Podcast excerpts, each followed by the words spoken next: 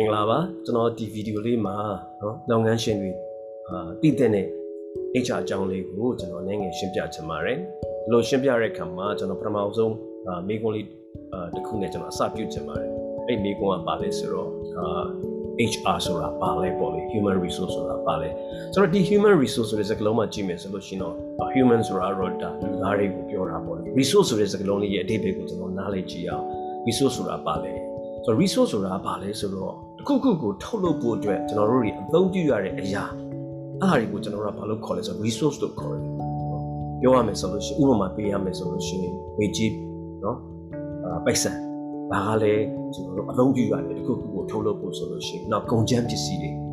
နောက်တစ်ခုကကြတော့ကျွန်တော်တို့လူအင်အားဆိုတော့ဝေကြီးကုန်ကျန်းလူအင်အားတွေပေါ့အသုံးပြုပြီးတော့ကိုယ်လုပ်ငန်းအတွက်လိုအပ်တဲ့ကုန်ပစ္စည်းတွေကိုထုတ်လုပ်တဲ့နေရာ ဒါတွေကိုအသုံးပြုရတာဖြစ်တယ်ဆိုတော့ဒီ resource ဆိုတဲ့စကားလုံးလေးကိုကျွန်တော်တို့ကြည့်လိုက်ပြီဆိုလို့ရှိရင်အာကျွန်တော်တို့ဝေကြေးကိုလည်းပြောတာဖြစ်တယ်ကုန်ကျန်းကိုလည်းပြောတာဖြစ်တယ်လူအင်အားကိုလည်းပြောတာဖြစ်တယ်ဒါပေမဲ့ကျွန်တော်တို့ကဒီမှာ human resource ဆိုတာဆိုတဲ့စကားလုံးလေးကိုကြားတော့ကျွန်တော်တို့ကဘာလို့ပဲအတိတ်ကထားတာလဲဆိုတော့ဒီလူအင်အားဆိုတာကိုကျွန်တော်တို့ကအတိတ်ကထားတာပေါ့လေဒါပေမဲ့လူလို့ပြောလိုက်လို့ရှိလို့ရှိရင်ကျွန်တော်တို့ကဘယ်သူတွေကိုပြောတာလဲပေါ့ ကလေးတငယ်တွေကိုပြောတာလားနော်ဟိုလူတိုင်းကျွန်တော်တို့စုလို့တာအဲ့လိုတော့ကျွန်တော်တို့မစုလို့တာမဟုတ်ဘူးကျွန်တော် human resource လို့ပြောလိုက်လို့ရှိရင်လူဆိုတာတော့မှန်တယ်ဒါပေမဲ့ဘယ်လိုလူမျိုးတွေလဲကိုယ့်ရဲ့လုပ်ငန်းအဖွဲ့အစည်းတွေမှာရှိတဲ့ကိုယ့်ရဲ့ဝန်ထမ်းတွေ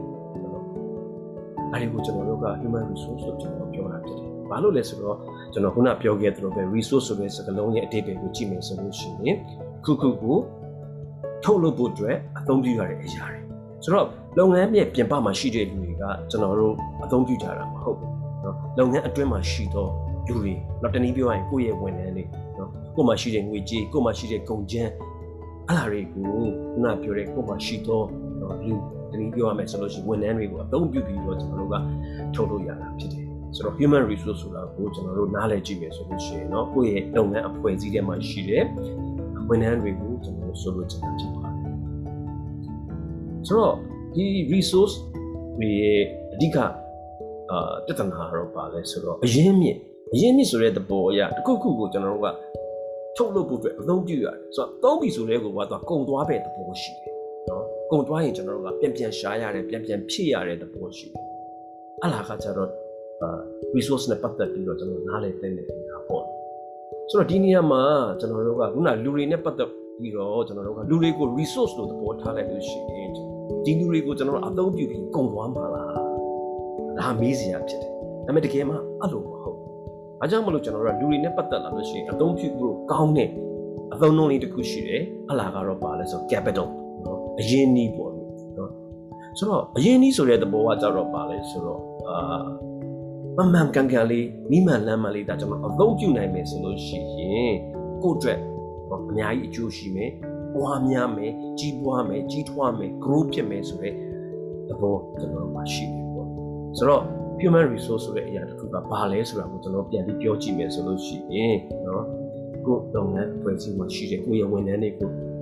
ပြောတာဖြစ်တယ်เนาะဆိုတော့သူတို့တွေကိုကျွန်တော်တို့ကဟိုနီးမှန်ကမ်းမှန်เนาะနီးမှန်လမ်းမှန်လေးဒါကျွန်တော်အသုံးပြုမယ်ဆိုလို့ရှိရင် resource เนาะကုန်ကျန်းပစ္စည်းတွေကုန်သွားခြင်းရှိမှာမဟုတ်ဘူး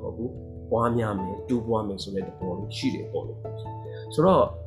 ဒါပေမဲ့ကျွန်တော်တို့ human capital ဆိုတဲ့စကားလုံးလေးကတိတ်ပြီးတော့လူသိမများပဲနဲ့ human resource ဆိုတဲ့စကားလုံးလေးပဲလူသိများတာဖြစ်တဲ့အတွက်ကြောင့်မလို့ကျွန်တော်တို့ဒီ HR ဆိုတဲ့အသုံးအနှုန်းလေးကိုပဲကျွန်တော်တို့အသုံးပြုကြတာဖြစ်တယ်ဆိုတော့ခုနကပြောတဲ့ဒီ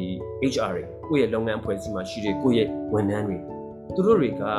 ကိုယ့်လုပ်ငန်းအဖွဲ့အစည်းမှာရှိတဲ့အခြားသော resources တွေကိုအသုံးပြုကြတာဖြစ်တယ် နော်ကိုယ့် company ကဘာကိုထုတ်ချင်တာလဲဘာကိုလုပ်ချင်တာလဲဘယ်လိုဝန်ဆောင်မှုတွေကိုပေးချင်တာလဲဒီအရာတွေကိုအာလောက်ကန်ဆောင်ရွက်ဖို့ထုတ်လုပ်ဖို့အတွက် company မှာရှိသောအခြားသော resources တွေဖြစ်တဲ့ငွေကြေးကုန်ကျန်းဒါတွေကိုကျွန်တော်တို့အသုံးပြုကြတယ်ဆိုတော့ဒီလိုအသုံးပြုတဲ့အခါမှာကျွန်တော်တို့ကဟိုအလေလွင့်နည်းနည်းနဲ့နော်တိတိယောက်ယောက်လေးတုံးတက်ဖို့လိုတယ်နော်ဒါကြောင့်မို့လို့ကျွန်တော်တို့ HR လို့ပြောလိုက်လို့ရှိရင်ဘာရေးကြည့်လဲဆိုတော့ကိုယ့်ရဲ့လုပ်ငန်းဖွဲ့စည်းမှာရှိတဲ့ဝန်ထမ်းတွေဒီအခြားသော ကုန်ကျန်းပစ္စည်းတွေကိုအသုံးပြုတဲ့အခါမှာအလင်းလွင့်နည်းနည်းနဲ့တိတိယောက်ယောက်သုံးနိုင်ဖို့အတွက်ကျွန်တော်တို့ကပြင်ဆင်ပေးဖို့လိုတယ်နော်အားအရေးကြီးတယ်ဆိုတော့လုပ်ငန်းအဖွဲ့အစည်းတစ်ခုမှကြည့်မယ်ဆိုလို့ရှိရင် HR ရဲ့အခန်းကဏ္ဍ HR ရဲ့ role အလားကပါလဲဒါကိုလည်းကျွန်တော်တို့ဒီအာဘယ်လိုခေါ်မလဲလုပ်ငန်းရှင်တယောက်အနေနဲ့ပေါ့ကျွန်တော်နားလည်ဖို့အရေးကြီးပါတယ်ဆိုတော့ကျွန်တော်တို့ အခုပြထားတဲ့အာ slide လေးမှာကျွန်တော်ကြည့်မယ်ဆိုလို့ရှိရင်เนาะဒီ finance ဆိုတဲ့ဘဏ္ဍာရေးဌာနကသူတို့ကလုပ်ငန်းမှာရှိတဲ့เนาะပိုက်ဆံတွေကိုဘယ်လိုသုံးရမလဲဆိုတာကိုသူတို့က manage လုပ်တဲ့သဘောလေးရှိတယ်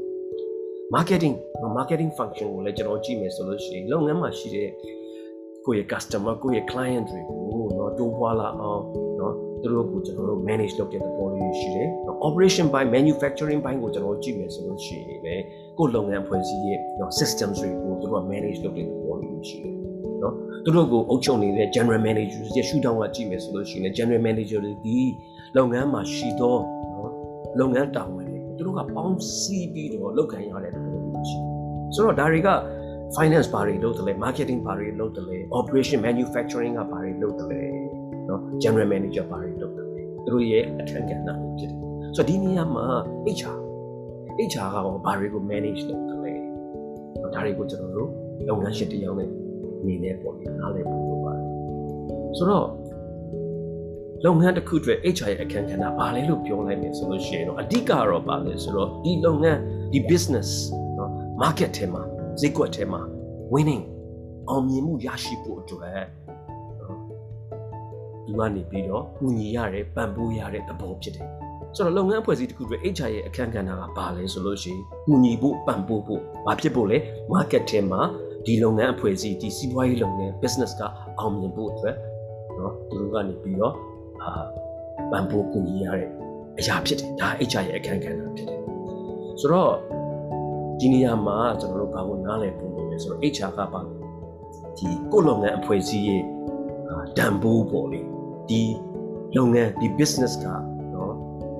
ဘာကြောင့်ကျွန်တော်တို့ဒီဈေးကွက်ထဲမှာရပ်တည်နေရတာလဲသူကနေပြီးတော့ကိုယ့်ရဲ့ clients ကိုယ့်ရဲ့ customers တွေကိုဘယ်လိုတန်ဖိုးနော်ဘယ်လို values တွေကိုကျွန်တော်တို့ဖန်တီးပေးနေတာလဲဆိုလိုတာကကိုယ့်ရဲ့ customers တွေကကိုယ့်ရဲ့ organization ကိုလာပြီးပတ်စံလာပေးတယ်ဘာကြောင့်လာပေးတာလဲနော်ဘယ်အရာကြောင့်လာပေးတာလဲအဲ့လောက်ကိုနားလည်ဖို့လိုပါတယ်နောက်တစ်ခုကကြတော့ဒီလုပ်ငန်းအဖွဲ့အစည်းထဲမှာရှိတဲ့ဆက်ဆက်ပတ်သက်နေတဲ့အရာတွေ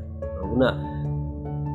context လို့ခေါ်တာပေါ့နော်ဒီ business ဒီစီးပွားရေးလုပ်ငန်းရဲ့ဆက်ဆက်ပတ်သက်နေတဲ့အရာတွေသူဘယ်လိုအလုပ်လုပ်တယ်လဲ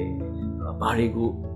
အခြေခံပြီးတော့အလုပ်လုပ်တာလဲဘာကိုရကျင်တာလဲဘယ်လိုမျိုးရကျင်တာလဲစတဲ့ဒီ context ဆိုတဲ့အရာကိုလည်းကျွန်တော်နားလည်ဖို့လိုတယ်။နောက်ဒီစီးပွားရေးလုပ်ငန်းမှာပါဝင်ပတ်သက်နေသောသူတွေနော်နောက်တနည်းအားဖြင့်ပြောရမယ်ဆိုတော့ stakeholders တွေပေါ့။သူတို့တွေကဘာတွေလဲဘယ်သူတွေလဲသူတို့ ਨੇ ဘယ်လိုမျိုးကိုကဆက်ဆံနေဖို့လိုတယ် နော်ဒါတွေကိုကျွန်တော်တို့ HR ရဲ့အခန်းကဏ္ဍတစ်ခုအနေနဲ့ကျွန်တော်တို့အာ HR ကနေပြီးတော့ဒါတွေကိုနားလည်ဖို့လိုအပ်တယ်ဒါတွေကိုနားလည်ပြီးဆိုလို့ရှိရင် HR ကဘာကိုအာရုံစိုက်ရမလဲအချက်သုံးချက်ကိုအာရုံစိုက်ရမှာတယ်ကို organization ကိုမှာရှိတဲ့စီးပွားရေးလုပ်ငန်းတွေကိုအကောင့်ထဲပေါ်လုပ်ခဲ့ဆောင်ရွက်တဲ့အခါမှာဘလို့ talent เนาะဘလို့အရေးချင်းရှိတဲ့လူတွေကိုကျွန်တော်တို့လိုအပ်တာလေအဲ့ဒါကိုကျွန်တော်နားလည်ဖို့လိုအပ်တယ်ဆိုတော့ကို့မှာလိုအပ်တဲ့ talent တွေเนาะ ကို organization organization ရဲ့ဒီစီးပွားရေးလုပ်ငန်းတွေကိုအကောင့်တွေပေါ်ဖို့လိုအပ်တဲ့ talent တွေကိုရရှိအောင်တိုးပွားအောင်နော်ဒါတွေကိုကျွန်တော်တို့အာရုံစိုက်ရမှာဖြစ်တယ်နောက်တစ်ခုကကြတော့ဒီ talent တွေကိုနော်လုတ်ကင်ဆောင်ရွက်တဲ့အခါမှာပူဆောင်ပေးဖို့နော်ဒီစီးပွားရေးလုပ်ငန်းကဖြစ်ချင်တဲ့အရာတွေကိုအကောင့်တွေပေါ်ဆောင်ရွက်ဖို့အတွက်ပူဆောင်ပေးမယ့် leadership နော်ခေါင်းဆောင်မှုခေါင်းဆောင်နော်ဆိုတော့နှစ်ခုပေါ်လေကို organization မှာ တကယ်ကိုပဲထိရောက်တဲ့ခေါင်းဆောင်တွေရှိဖို့လို့ဆိုလို့ဘလို့ခေါင်းဆောင်မှုနဲ့ပေါ်မှာလဲဆိုတာတွေကိုလည်းကျွန်တော်တို့ကကျွန်တော်တို့ကအာ focus လုပ်ဖို့လို့ဒါတွေကိုအာဖြည့်ဆည်းပေးနိုင်ဖို့လို့နောက်တစ်ခုကကျတော့ organization capacity လို့ခေါ်တာပေါ့နော်ခုနပြောတဲ့ဒီ talent ရှိတဲ့လူတွေသူတို့ကိုခေါင်းဆောင်မဲ့ခေါင်းဆောင်တွေဒီအရာတွေအားလုံးအောင်မြင်စွာနဲ့နော်အာလောက်ခံဆောင်ရွက်နိုင်မဲ့နော်ပတ်ဝန်းကျင်တစ်ခု organization ရဲ့အရေးချင်းစွမ်းရည် ဒါတွေရှိဖို့ဘယ်လိုလုပ်မလဲဒီအရာတွေကိုကျွန်တော်တို့က focus လုပ်ရမှာဖြစ်တယ်ဆိုတော့ value context stakeholder ကိုနားလည်သွားပြီเนาะ talent leadership organization capacity ပေါ်မှာကျွန်တော်တို့ focus လုပ်ပြီးရင်ကျွန်တော်တို့မလုပ်ကျွန်တော်တို့ကိုယ့်ရဲ့ HR ဌာနကိုကျွန်တော်တို့ဘယ်လိုဖွဲ့စည်းမလဲ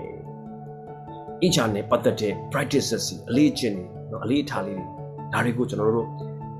ဘယ်လိုမျိုးခုနအပေါ်ကပြောခဲ့တဲ့ values context stakeholders တွေ talent leadership organization capacity တွေနဲ့ကိုက်ညီအောင်လုပ်ကြပါမယ်နော်ပြီးတော့ HR ဌာနမှာရှိတဲ့လူတွေရဲ့ competency အရေးအချင်းလုပ်ရည်ကိုက်ရည်တွေကိုကျွန်တော်တို့ဘယ်လိုဖြည့်ပေးမလဲပြီးရင်ဒီ HR က HR အလုပ်ကိုလုပ်ကင်ဆောင်ရွက်နေတဲ့အခါမှာဘယ်လောက်ထိကောင်းကောင်းမွန်မွန်အောင်အောင်မြင်မြင်လုပ်ကင်နိုင်လဲဆိုတာကိုဘယ်လိုတိုင်းတာမလဲဒီအရာတွေကလုပ်ငန်းတစ်ခုအတွက်လိုအပ်တဲ့ HR ရဲ့အခန်းကဏ္ဍဖြစ်တယ်ဆိုတာကိုကျွန်တော်လုပ်ငန်းရှင်တယောက်အနေနဲ့ကျွန်တော်နားလည်ဖို့လိုအပ်ပါတယ် ဆိုတော့ဒါကိုနားလည်တယ်ဆိုလို့ရှိရင်နောက်ထပ်မေးခွန်းတစ်ခုကပါလဲဆိုတော့လုပ်ငန်းရှင်တယောက်အတွက် HR ကအရေးကြီးသလားတော့ဒါဒီမေးခွန်းကလည်းကျွန်တော်တို့အာမေးဖို့လိုပါတယ်ဆိုတော့ဒီမေးခွန်းကိုကျွန်တော်ဖြေမယ်ဆိုရင်ကျွန်တော်တို့ဘာကိုနားလည်ဖို့လိုလဲဆိုတော့ HR ရဲ့ဒီကြီးမားတဲ့เนาะရည်စည်းကြောင်းပေါ့လေเนาะပတ်ဝန်းကျင်မှာပြက်ပြက်နေတဲ့သွားနေတဲ့ trends เนาะအဲ့လာကိုကျွန်တော်တို့နားလည်ဖို့လိုတယ်ဆိုတော့ကျွန်တော်တို့ လုပ်ငန်းပတ်ဝန်းကျင်မှာဖြစ်ပျက်နေတဲ့အရာတွေမှာကျွန်တော်ကြည့်မယ်ဆိုလို့ရှိရင် innovation လို့ခေါ်တဲ့စမ်းသစ်တီထွင်မှုတွေကနော်ကြီးကြီးမားမားကိုယ့်ရဲ့ business ပေါ်မှာလာပြီးရိုက်ခတ်မှုရှိတယ်နော်ကျွန်တော်တို့အခုပုံမှာပြထားတဲ့အာဖုန်းကိုပဲကျွန်တော်ကြည့်မယ်ဆိုလို့ရှိရင်ဟိုအရင်တုန်းကကျွန်တော်တို့လက်နဲ့တိုင်ခွက်လေးတွေနဲ့လှည့်ရတဲ့ဖုန်းကနေပြီးတော့အခုဆိုရင် smartphone တွေရောက်လာဆိုတော့ဒါကိုကြည့်ချက်မှာကျွန်တော်ဘာကိုနားလဲလို့ရလဲဆိုတော့ကိုယ့်ရဲ့ကုန်ပစ္စည်း ကိုယ့်ရဲ့ဝန်ဆောင်မှုဒါတွေကအရင်ကလူမျိုးပဲကျွန်တော်တို့ကတွားလို့မရတော့အရင်ကလူမျိုးပဲကျွန်တော်တို့ကနေလို့မရတော့ဒါတွေကဘာဘာခေါ်လဲခင်းနဲ့ရင်မောင်တန်းပြီးတော့သူကပြောင်းလဲနေရမယ်စမ်းသစ်ရမယ်ဆိုတဲ့သဘောလေးတွေကျွန်တော်နားလည်ရတယ်ဆိုတော့စမ်းသစ်ရမယ်ပြောင်းလဲရမယ်တီထွင်ရမယ်ဆိုတဲ့အခါမှာဒါတွေကိုလုပ်ပေးနိုင်တဲ့ခုနပြောတဲ့ talent leadership organization capacity ကျွန်တော်တို့မှာလုံလာတယ်။ဟောဒါကိုကျွန်တော်နားလည်ဖို့လိုတယ်။ နောက်တစ်ခုကကြတော့ကျွန်တော်ဘာကိုပြောချင်လဲဆိုတော့ဒီ demographic changes ပေါ့။ကိုယ့်ရဲ့နိုင်ငံမှာရှိတဲ့ကိုယ့်ရဲ့ organization မှာရှိတဲ့လူတွေရဲ့လူဦးရေနော်ပြောင်းလဲမှုပေါ့လေဒါကိုကျွန်တော်နားလည်ဖို့မြန်မာနိုင်ငံမှာကြည့်မယ်ဆိုလို့ရှိရင်မြန်မာနိုင်ငံရဲ့လူဦးရေနော်တဝက်ကျော်ကတဝက်နီးပါးပေါ့လေအဲ့ဒါတွေကလူငယ်တွေဖြစ်တယ်ဆိုတော့အာပြောရမယ်ဆိုလို့ရှိရင်ဒီကိုယ့်ရဲ့လုပ်ငန်းမှာပေါ့ဘလို့အာ လူတွေနဲ့ဖွဲ့စည်းထားတာလေလူငယ်တွေများလားလူကြီးတွေများလားဆိုတော့လူကြီးတွေများတယ်ဆိုလို့ရှိရင်သူတို့က retirement ဆိုတဲ့အချိန်ကိုကျွန်တော်နီးလာတော့မယ်ဆိုတော့သူတို့တွေနော်ကိုကျွန်တော်တို့သူတို့နေရာမှာဆက်ပြီးတော့အာတာဝန်ယူလုပ်ခဲ့ဆောင်ရမယ်သူတို့နေရာမှာအစားထိုးမဲ့လူငယ်တွေနော်ကျွန်တော်တို့မှာရှိပြီလားဆိုတော့ဒါလေးတွေကကျွန်တော်တို့နားလည်ဖို့လိုတယ် နောက်တစ်ခုကကျတော့ globalization လို့ခေါ်တဲ့အာရည်စည်းကြောင်းပေါ့ဒီလိုလည်းပါလဲဆိုတော့အခုဆိုလို့ရှိရင်ကျွန်တော်စီးပွားရေးလုပ်ငန်းတွေကကိုယ်နိုင်ငံတနိုင်ငံထဲမှာပဲစီးပွားရေးကိုလုပ်ခဲ့ဆောင်ရတာမဟုတ်တော့ဘူးအခြားသောအာနိုင်ငံတွေဘာအနက်နက်မှာပေါ့တွားရောက်ပြီးတော့လုပ်ခဲ့ဆောင်ရတဲ့သဘောတွေရှိတယ်ပြီးတော့အခြားသောနိုင်ငံကလူတွေကလည်းကိုယ်နိုင်ငံမှာလာလုပ်လုပ်ကြတယ်ပြောချင်တာကကျွန်တော်တို့စီးပွားရေးလုပ်ငန်းကိုလုပ်ကိုင်တဲ့အခါမှာကိုယ်နိုင်ငံတွေကကိုယ်အာလူမျိုးအ ဖွဲ့အစည်းတွေကြီးပဲလုပ်ကိုင်ဆောင်ရွက်တာတော့မဟုတ်တော့ဘူးနိုင်ငံတကာနဲ့ချိတ်ဆက်ပြီးတော့လုပ်ကိုင်ဆောင်ရွက်လာတဲ့သဘောလေးတွေရှိတယ်ဆိုတော့အဲ့နေရာမှာလည်းကျွန်တော်တို့ဒီခုနပြောတဲ့ human resource အပေါ်မှာရိုက်ခတ်မှုတွေအများကြီးရှိတယ်เนาะပြောချင်တာကအာဟိုဒီလိုမျိုးနိုင်ငံတကာနဲ့ဆက်သွယ်ပြီးအလုံးလုပ်တဲ့အခါမှာလုံနိုင်တဲ့เนาะဟို talent တွေเนาะခေါင်းဆောင်မှုတွေเนาะ organization ရဲ့ capacity တွေဒါတွေကိုကျွန်တော်တို့ကရင်ပေါင်တန်းပြီးတော့ပြင်ဆင်နိုင်ဖို့လိုတယ်။ နောက်တစ်ခုကကျတော့ internet ရဲ့အခန်းကဏ္ဍပေါ့။အရင်တော့က internet ဆိုတာကကျွန်တော်တို့ကိုကနေပြီးတော့ပဲဟို information တွေကိုဖန်တီးတာပေါ့။အခုကအလုံးမဟုတ်တော့ဘူး။ internet ကိုအသုံးပြုတဲ့လူတွေကကျွန်တော်တို့ဘာခေါ်လဲဒီဟို content တွေကိုသူကဖန်တီးတာဖြစ်တယ်။ဥပမာ YouTube တို့ဘာလို့ကြည့်မယ်ဆိုလို့ရှိရင်ဒီ YouTube ကိုအသုံးပြုတဲ့လူတွေကပဲဒီ YouTube ထဲမှာရှိတဲ့နော်ဟို content တွေ video တွေကိုဖန်တီးကြတာဖြစ်တယ် ပြောချင်တာကဒီ internet ရဲ့သဘောတရားတွေကလည်းအရင်ကနဲ့မတူတော့ဘူးဆိုတော့ကျွန်တော်တို့လုပ်ငန်းအဖွဲ့အစည်းတွေမှာကိုယ့်စီးပွားရေးလုပ်ငန်းကိုလုပ်ကင်ဆောင်ရွက်တဲ့အခါမှာလည်းဒီ internet ရဲ့သဘောတရား internet အသုံးပြုဖို့ပြောင်းလဲလာတာနဲ့အမျှကိုယ့်ရဲ့လုပ်ငန်းရဲ့ဘောဓဘာဝတွေကလည်းပြောင်းလဲနိုင်တယ်နောက်တစ်ခုကကြတော့ဒီ value chain လို့ခေါ်တာပေါ့နော်လူတွေရဲ့တန်ဖိုးထားမှုကလည်းအရင်ကနဲ့မတူတော့ဘူးအရင်တော့ကဆိုလို့ရှိရင်ဥမာဒီနေ့ပြောရရင်ဒီမျိုးသမီးတွေကအိမ်မှာပဲနေတယ်အိမ်မှုကိစ္စကိုပဲလုပ်ကြတယ် ဒါပေမဲ့အခုခါမှာအဲ့လိုမဟုတ်တော့အမျိုးသမီးတော်တော်များများကအမျိုးသားတွေနဲ့ရင်ပေါင်းတန်းပြီးတော့လုပ်ငန်းခွင်တွေမှာအလုပ်အကင်ကိုဝင်ရောက်လုပ်ခဲ့ဒီကြပြီနော်ဆိုတော့ကျွန်တော်တို့ကိုယ့်ရဲ့လုပ်ငန်းသဘောပါဝါတွေကိုကြည့်တဲ့အခါမှာလည်းကျွန်တော်တို့ကအရှင်ရလို့ပဲအမျိုးသားကြီးပဲကျွန်တော်တို့အာရုံစိုက်ဖို့မရတော့ဒီအမျိုးသားအမျိုးသမီးဆိုတဲ့အရာတွေကလည်းကျွန်တော်ရှိဆိုတော့ဒီအာရေစီးချောင်းတွေကိုကျွန်တော်တို့နားလေတဲ့ပုံပေါ့ဒီရေစီးချောင်းတွေနဲ့အတူကိုယ့်ရဲ့ဒီဝန်ထမ်းတွေလိုအပ်ချက်တွေ ဒါတွေကိုကျွန်တော်တို့ကပြည့်ပြည့်ပြောင်းလဲပြီးတော့ဖြည့်ဆည်းသွားဖို့လို့အဓိကတော့ဗာလဲဆိုတော့ကိုယ့်ရဲ့ organization မှာကိုယ့်ရဲ့လုပ်ငန်းအဖွဲ့အစည်းမှာလူမှန် right people သာရှိမယ်ဆိုလို့ရှိရင်ကိုယ့်ရဲ့စီးပွားရေးလုပ်ငန်းရေရှည်တည်တံ့သွားမှာဖြစ်တယ်။လို့မလို့ရှိလို့ရှိရင်เนาะအာကိုယ့်ရဲ့ organization မှာလူမှန် right people တွေမရှိဘူးဆိုလို့ရှိရင်เนาะအာကျွန်တော်တို့လုပ်ငန်းရေရှည်သွားဖို့အတွက်အခက်အခဲရှိမှာဖြစ်တယ်။ဆိုတော့နောက်ထပ်မေးခွန်းတစ်ခုเนาะ HR အတွက်ကျွန်တော်တို့တွေ invest เนาะအကုန်ချခံရမလားဒါကလည်းလုပ်ငန်းရှင်တွေတော်တော်များများမေးကြတဲ့မေးခွန်းတစ်ခုပေါ့လေဆိုတော့ဒီမေးခွန်းကိုကျွန်တော်စဉ်းစားမယ်ဆိုလို့ရှိရင်ကျွန်တော်တို့ခေါင်းထဲမှာထည့်ပြီးစဉ်းစားရမှာကဒီဝန်ထမ်းတွေအတွက်ဒီ HR အတွက်အကုန်အကျမခံဘူးဆိုရင်ဘာဖြစ်မှာလဲနော်ဒါကိုကျွန်တော်တို့နားလည်ဖို့လိုအပ်တယ် ဆိုတော့ခုနပြောတဲ့ရေစီးချောင်းနဲ့တူကျွန်တော်စီးပါပြီးတော့မျောပြီးတော့စီးပွားရေးလုပ်ငန်းတွေကိုလုပ်ကင်ဆောင်ရွက်ရတော့မယ့်အခါမျိုးမှာကိုယ်မှာရှိသောဝန်ထမ်းတွေရဲ့အရေးချင်းဝန်ထမ်းတွေရဲ့ဥဆောင်မှုเนาะဒီလုပ်ငန်းအဖွဲ့အစည်းရဲ့စွမ်းရည်ဒါတွေကကျွန်တော်တို့အမြဲတမ်းဘယ်လိုခေါ်မလဲ upgrade လုပ်မှာဖြစ်တယ်ဆိုတော့အဲ့နေရာမှာကုန်ကြเนาะကျွန်တော်တို့ရင်းနှီးမြှုပ်နှံရမှာဖြစ်တယ်ဆိုတော့တရားတွေကိုကျွန်တော်တို့ရင်းနှီးမြှုပ်နှံခြင်းမရှိဘူးအကုန်ကြခံခြင်းမရှိဘူးဆိုရင်တော့ခုနကကျွန်တော်တို့ပြောတဲ့ဒီ အာစီးပွားရေးလုပ်ငန်းရဲ့ရေးစည်းကြောင်းတွေမှာမျောသွားတဲ့အခါမှာကိုယ်မှာလိုအပ်ချက်တွေအများကြီးရှိမှာဖြစ်တယ်ဆိုတော့ဒီအရာတွေကိုကျွန်တော်တို့လုပ်တဲ့အခါမှာရေပွက်လေးပမာပေါ့လေဟိုနေရာမှာပေါ်လာရင်ဟိုနေရာမှာသွားပြီးတော့အကုန်ကြခံလိုက်ဒီနေရာမှာပေါ်လာဒီနေရာမှာလိုက်လုပ်လိုက်အဲ့လိုမျိုးကျွန်တော်တို့လုပ်လို့မရဘူးနောက်ပြီးတော့လုပ်ငန်းရှင်တတိယကလည်းနေရာတကာမှာလိုက်ပြီးတော့ဝင်ပါလို့မရနိုင်ဘူးเนาะဆိုတော့ကိုယ့်အနေနဲ့ရေရှည်အောင်မြင်ခြင်းနဲ့ဆိုလို့ရှိရင်ရေရှည်မှာကြီးပွားတိုးတက်ခြင်းနဲ့ဆိုလို့ရှိရင် တော့နော်ကို organization မှာရှိတဲ့လူသားအရင်းမြစ်အတွက်လူသားအရင်းဒီအတွက်ကျွန်တော်အကုန်ကြခံရမှာဖြစ်ပါတယ်နော်ဘာလို့လဲဆိုတော့ခုနကျွန်တော်ပြောတဲ့ right people ကိုခေါ်တဲ့ကိုယ့်ရဲ့ human resource human capital ကကို organization အတွက် competitive advantage လို့ခေါ်တဲ့အခြားသောစီးပွားရေးနော်ပြိုင်ဘက်တွေနဲ့ကျွန်တော်တို့ပြိုင်ဆိုင်တဲ့အခါမှာတော့အားသာချက်တစ်ခုမှဖြစ်တယ်။ကို့မှာအစွမ်းစားရှိတဲ့လူတွေသာရှိမယ်ဆိုလို့ရှိရင် ခုနပြောတဲ့စီးပွားရေးလုပ်ငန်းတွေပြိုင်ဆိုင်မှုမှာကိုကအားသာမှာဖြစ်တယ်။မရှိဘူးဆိုလို့ရှိရင်တော့ကို့မှာအားနည်းမှာဖြစ်တယ်။ဒီလိုအာအကြောင်းကိုပြောတဲ့အခါမှာလည်းကျွန်တော်တို့ဘာကိုသိဖို့လိုလဲဆိုတော့ကိုလုပ်ငန်းအဖွဲ့အစည်းရဲ့နော်အဓိကကြတဲ့ function အားတွေလေဘယ်လုပ်ငန်းတာဝန်တွေကအဓိကကြတယ်ဒါကိုလည်းနားလည်ဖို့လိုပါတယ်ကိုလုပ်ငန်းအဖွဲ့အစည်းရဲ့နော် strategy ချစ်ချင်တဲ့အရာတွေနဲ့အဆက်မှုရှိတဲ့ function ကိုလုံးငါအဖွဲ့အစည်းရဲ့ strategy ကိုပံ့ပိုးမှုအပေးနိုင်ဆုံးပံ့ပိုးမှုကလိုအပ်ဆုံးအဲ့ဒီ function တွေကကျွန်တော်တို့ key function တွေဖြစ်တယ်အဲ့ဒီပုံမှာလည်းကျွန်တော်တို့အာရုံစိုက်ရမှာဖြစ်တယ်နောက်တစ်ခုကကျတော့ bottleneck function ကိုလည်းကျွန်တော်မေ့ထားလို့မရဘူးဘာကိုပြောချင်တာလဲဆိုတော့ဒီ future မှာပေါ်လေနော်အဲ့ဒီ function တွေကိုကျွန်တော်တို့ကမဖြစ်မနေလိုအပ်လာတော့လိုအပ်ချက်ကလည်းနည်းနည်းနော်နော်မဟုတ်ဘူးအများကြီးလိုအပ်မယ်ဒါပေမဲ့ပြဿနာကအဲ့ဒီ function ကိုလောက်ကန်ဆောင်ရွက်မဲ့လူဈေးကွက်ထဲမှာ ကျွန်တော်တို့အလွယ်တကူရှာလို့မရဘူးအဲ့လောက်ကိုကျွန်တော်တို့ကဘာလို့ခေါ်လဲဆိုတော့ bottleneck function လို့ခေါ်တာပေါ့လေနော်နောက်တစ်ခုကကြတော့အာဘာကိုပြောချင်တာလဲဆိုတော့ဒီကိုလုပ်ငန်းအဖွဲ့အစည်းတွေမှာရှိနေတဲ့နော်ကိုယ့်ရဲ့ human resources ကိုနော်ခုနပြောတဲ့ဒီရှင်ပြိုင်မှုအားသာချက်ဖြစ်တဲ့ right people တွေကိုကိုလုပ်ငန်းကနေပြီးတော့ Trump သွားအောင်လို့ကိုကထိန်းထားနိုင်ဖို့လို့အဲ့ဒါကိုလည်းကျွန်တော်နားလည်ဖို့လို့ ဆိုတော့လူတွေကဘာကြောင့် organization ကထွက်ကြတာပထမအကြောင်းရင်းကတော့ပါလဲဆိုတော့လာစာပေါ့နော်ရတဲ့လာစာကအခြားသော company တွေနဲ့ရှင်လိုက်လို့ရှိရင်ပြန်ဘက် company နဲ့ရှင်လိုက်လို့ရှိရင်အရင်ကြီးကိုငဲနေတယ်မကြည့်နဲ့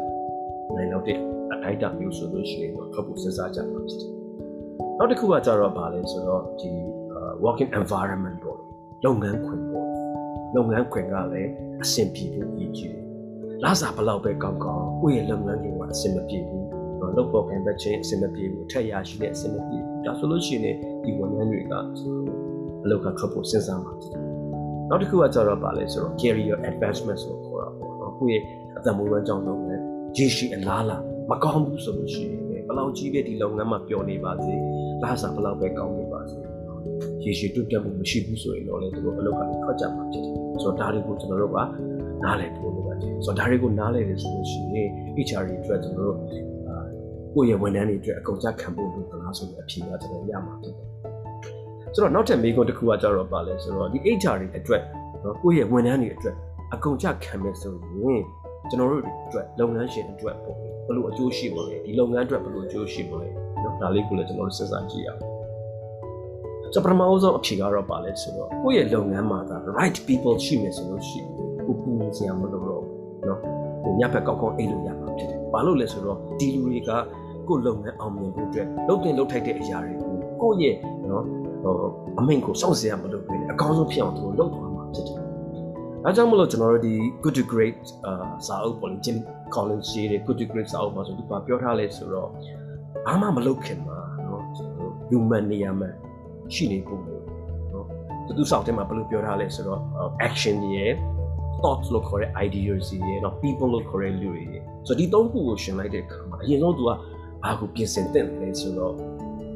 လူတွေနော်စီကံရှိတဲ့လူတွေကိုလုပ်ငန်းအတွက်လိုအပ်တဲ့လူတွေကိုလုပ်ငန်းအတွက်အကောင်းဆုံးဖြစ်အောင်လုပ်ပေးမယ့်လူတွေနော်အဲ့လာကိုအရင်ဆုံးပြင်ဆင်ဖို့ဆိုတော့ခီးတစ်ခုကိုသွားမယ်လို့ကျွန်တော်စဉ်းစားလိုက်လို့ရှိရင် Baskai design ပေါ်မှာနော်ကျွန်တော်တို့ရှိတဲ့ရှိတတ်တဲ့လူတွေ right people တွေအရင်တင်ဖို့လို့ပြီးတော့မှကျွန်တော်တို့ဘယ်ကိုသွားမယ်ဘယ်လိုသွားမလဲဆိုတာစဉ်းစားဖို့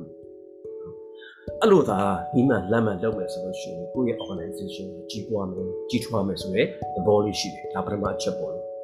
နော်ဆိုတော့ကျွန်တော်တို့နောက်တစ်ခုကကြတော့ကျွန်တော်ဘာကိုစဉ်းစားတက်လဲဆိုတော့ဒီ resources လို့ခေါ်တဲ့နော်ကိုယ့်ရဲ့ဒီခုနပြောတဲ့ဟိုလူတွေကိုပေါ့လေ human ဟိုဝန်ထမ်းတွေကိုကျွန်တော်တို့က resources လို့ခေါ်တဲ့အရင်းအမြစ်နော်တစ်ခုခုလုပ်ဖို့အတွက်ကျွန်တော်တို့အသုံးပြုရတဲ့အရာတွေလို့ပဲသဘောထားမလားဒါမှမဟုတ်လို့ရှိရင် capital အရင်းကြီးနော် တစ်ခုခုလုပ်ဖို့အတွက်ကျွန်တော်ရင်းနှီး site ထုတ်လိုက်တယ်မှန်မှန်ကန်ကန်ရင်းနှီး site ထုတ်လိုက်လို့ရှိရင်ပွားများမယ်ဆိုတဲ့သဘောဘယ်အရာကိုကျွန်တော်တို့က focus လုပ်နော်လူတွေကိုကျွန်တော်တို့က resource အနေနဲ့ပဲသဘောထားမလားကိုလုပ်ငန်းအတွက်ကိုလိုအပ်တဲ့ဟိုဟိုအသုံးချခံပစ္စည်းတစ်ခုလိုပဲကျွန်တော်တို့သဘောထားမလားဒါမှမဟုတ်လို့ရှိရင်လူတွေကကိုလုပ်ငန်းတိုးတက်ရတိုးတက်ကြောင်းကြီးပွားဖို့အတွက်နော်ပါဝင်ဆောင်ရွက်ပေးမယ့်အရေးနည်းတော့ capital လို့ထားပါလား capital လို့သဘောထားရင်တော့ကျင်းတည်တယ်နော်ကိုပြောတာအများကြီးကြိုးရှိမှာဖြစ်တယ်အဓိကတော့ဘာကိုပြောပြချင်လဲဆိုတော့မှန်ကန်တဲ့နေရာနဲ့ဒီလိုလုပ်ခင်ဆောင်ရွက်နေဆိုလို့ရှိရင်ကိုတော့လည်းဒီကြီးပွားမှာဖြစ်တယ်ကြီးထွားမှာဖြစ်တယ်ကျွန်တော်ဒီလုပ်ငန်းကိုကျွန်တော်တို့ HR လုပ်ငန်းကိုပေါ့လို့လုပ်ခင်ဆောင်ရွက်တဲ့အခါမှာဘယ်သူမှတာဝန်ရှိတယ်လဲနော်ဒီအရာကိုလည်းကျွန်တော်လုပ်ငန်းရှင်တယောက်အနေနဲ့နားလည်ဖို့လိုအပ်ပါတယ် ဆိုတော့ဒီနေရာမှာကြည့်မယ်ဆိုလို့ရှိရင်ကျွန်တော်ဘာကိုသိရလဲဆိုတော့ဝန်ထမ်းတွေကလည်းအောင်မြင်မှုဆိုတာကိုကျွန်တော်လိုချင်တယ်နော်လုပ်ငန်းအဖွဲ့အစည်းစီးပွားရေးလုပ်ငန်း company တွေကလည်းအောင်မြင်မှုဆိုတာကိုလိုချင်တယ်ဒါပေမဲ့ဝန်ထမ်းတွေခေါင်းထဲမှာရှိတဲ့အောင်မြင်မှုဆိုတာက organization တွေခေါင်းထဲမှာရှိတဲ့အောင်မြင်မှုဆိုတာလည်းကျွန်တော်သူ့ကျဲမှာတူနော်သူ့ကျဲမှာတူဆိုဝန်ထမ်းကတော့ရာထူးတိုးဖို့လာစားနော်လုပ်ငန်းမှာကျင့်နှံ့မှုရဖို့ ပေါ့ဆိုတော့လုပ်ငန်းဖွဲ့စည်းရကျတော့အမြတ်ဆုံးရဖို့လုပ်ငန်းကြီးတော့ဆိုတော့ဒီအရာတွေနှစ်ခုလုံးကိုဖြစ်စေနိုင်မယ့်အရာကတော့ပါလို့ဆိုတော့ဒီဝန်ထမ်းတွေလုပ်တဲ့ job နော်အလုပ်ဖြစ်တယ်ဆိုတော့ဒီအလုပ်ခိုင်က organization ရဲ့ကြီးပွားရကြီးပွားကြီးထွားကြောင်းကိုလည်းဖြစ်စေနိုင်တယ်လို့ဝန်ထမ်းရဲ့စိတ်ချနှံ့မှုကိုကျွန်တော်ဖြစ်စေတယ်ဖြစ်တယ်ဆိုတော့ဒီ job တွေကိုစဉ်းစားတဲ့အခါမှာဒီအလုပ်တွေကိုလုပ်ကြဆောင်ရတဲ့အခါမှာဘယ်လိုမျိုးဆက်ဆံရေးတွေရှိဖို့ ဘာတွေကိုကျွန်တော်တို့လုပ်ကြမလဲဘယ်လို activities တွေဒါတွေကိုဘယ်လို plan လုပ်မလဲဒါတွေကိုဘယ်လို control လုပ်မလဲဒါတွေကိုကျွန်တော်တို့နားလည်ဖို့ဒါတွေက HR လုပ်တယ်လုပ်တယ်ဆိုတော့ HR ဆိုတဲ့နေရာမှာကျွန်တော်တို့ဘာတွေလုပ်တယ်လဲပြန်စဉ်းစားကြည့်လို့ရှိရင်ခုနကကျွန်တော်ပြောတဲ့ good organization အတွက်လိုအပ်သော talent ရှိတဲ့လူတွေနော်အလားတွေကိုကျွန်တော်တို့ကအပြင်ကနေပြီးတော့ရှာဖွေစုဆောင်းနေ good organization တွေကိုရောက်လာအောင်လို့ကျွန်တော်ဆွဲယူတာကြတယ် ပြီးလို့ရှိရင်ကို organization မှာနော်ရောက်လာတဲ့ဒီ talents တွေကိုလည်းကြီးပွားတဲ့ကြီးထွားအောင်တိုးတက်တဲ့တိုးတက်သလားအောင်ဖွံ့ဖြိုးတိုးတက်အောင် develop လုပ်ပေးရပြီးလို့ရှိရင်သူတို့တွေကိုဒီလုပ်ငန်းမှာနော်စိတ်ရောကိုယ်ပါနှုတ်ညွတ်ပြီးတော့နော်လောက်ကင်ဆောင်ရဲ့ခြင်းစိတ်ရှိလာအောင်လို့ engage ကျွန်တော်လုပ်ကြတယ်ပြီးတော့လို့ရှိရင်ဒီလုပ်ငန်းမှာမြဲဖို့နော်အချားကိုထွက်သွားဖို့နော်ဒါကိုကျွန်တော်တို့က retain လုပ်ရတယ်ဆိုတော့ HR ဘာတွေလုပ်လဲပြောမယ်ဆိုလို့ရှိရင် recruit လုပ်တယ် develop လုပ်တယ် engage လုပ်တယ် retain လုပ်တယ်အပြင်ကကိုယ်လုပ်ငန်းအတွက်တင်တော်တဲ့လူတွေကိုခန့်တယ်ရှာဖွေတယ်ခန့်တယ်ကျွန်တော်တို့ဖွံ့ဖြိုးတိုးတက်စေတယ်သူတို့ကိုလုပ်ငန်းမှာစိတ်ပါလက်ပါနဲ့အကောင်းဆုံးဖြစ်အောင်လုပ်ကိုင်ဆောင်ရွက်ဖို့အတွက်ဆောင်ရွက်ပေးတယ်သူတို့ကိုလုပ်ငန်းကနေထွက်မသွားအောင်လို့ကျွန်တော်ဆွဲထားဖို့အတွက်ကျွန်တော်ဆောင်ရွက်တယ်ဒါ HR ဆိုရဲဟုတ်ပြီ ဆိုတော့ဒီခုနပြောတဲ့ HR တွေကိုကျွန်တော် HR ဌာနမှာရှိတဲ့ဝန်ထမ်းကြီးကပဲကျွန်တော်လုပ်လို့မရဘူးသူက organization တစ်ခုလုံးနဲ့နော် organization မှာရှိတဲ့လူတွေအားလုံးနဲ့သက်ဆိုင်အဲ့ဒါကိုနားလဲဆိုတော့ HR လို့ပြောလိုက်လို့ရှိရင်ကျွန်တော် HR department ကိုဆိုလိုတာမဟုတ်ဘူး HR ဆိုတာ philosophy အတွေးအခေါ်ဖြစ်တယ်။တော့ချင်တာက HR ဆိုတဲ့အကြောင်းအရာကိုလူတိုင်းနားလည်ဖို့လိုအပ်ပါတယ်နော်။ HR ကိုဒီခေါင်းဆောင်တွေနော်ဒီလုပ်ငန်းအဖွဲ့အစည်းမှာရှိတဲ့ခေါင်းဆောင်တွေ leaders တွေကနားလည်ရမယ်တန်ဖိုးထားရမယ်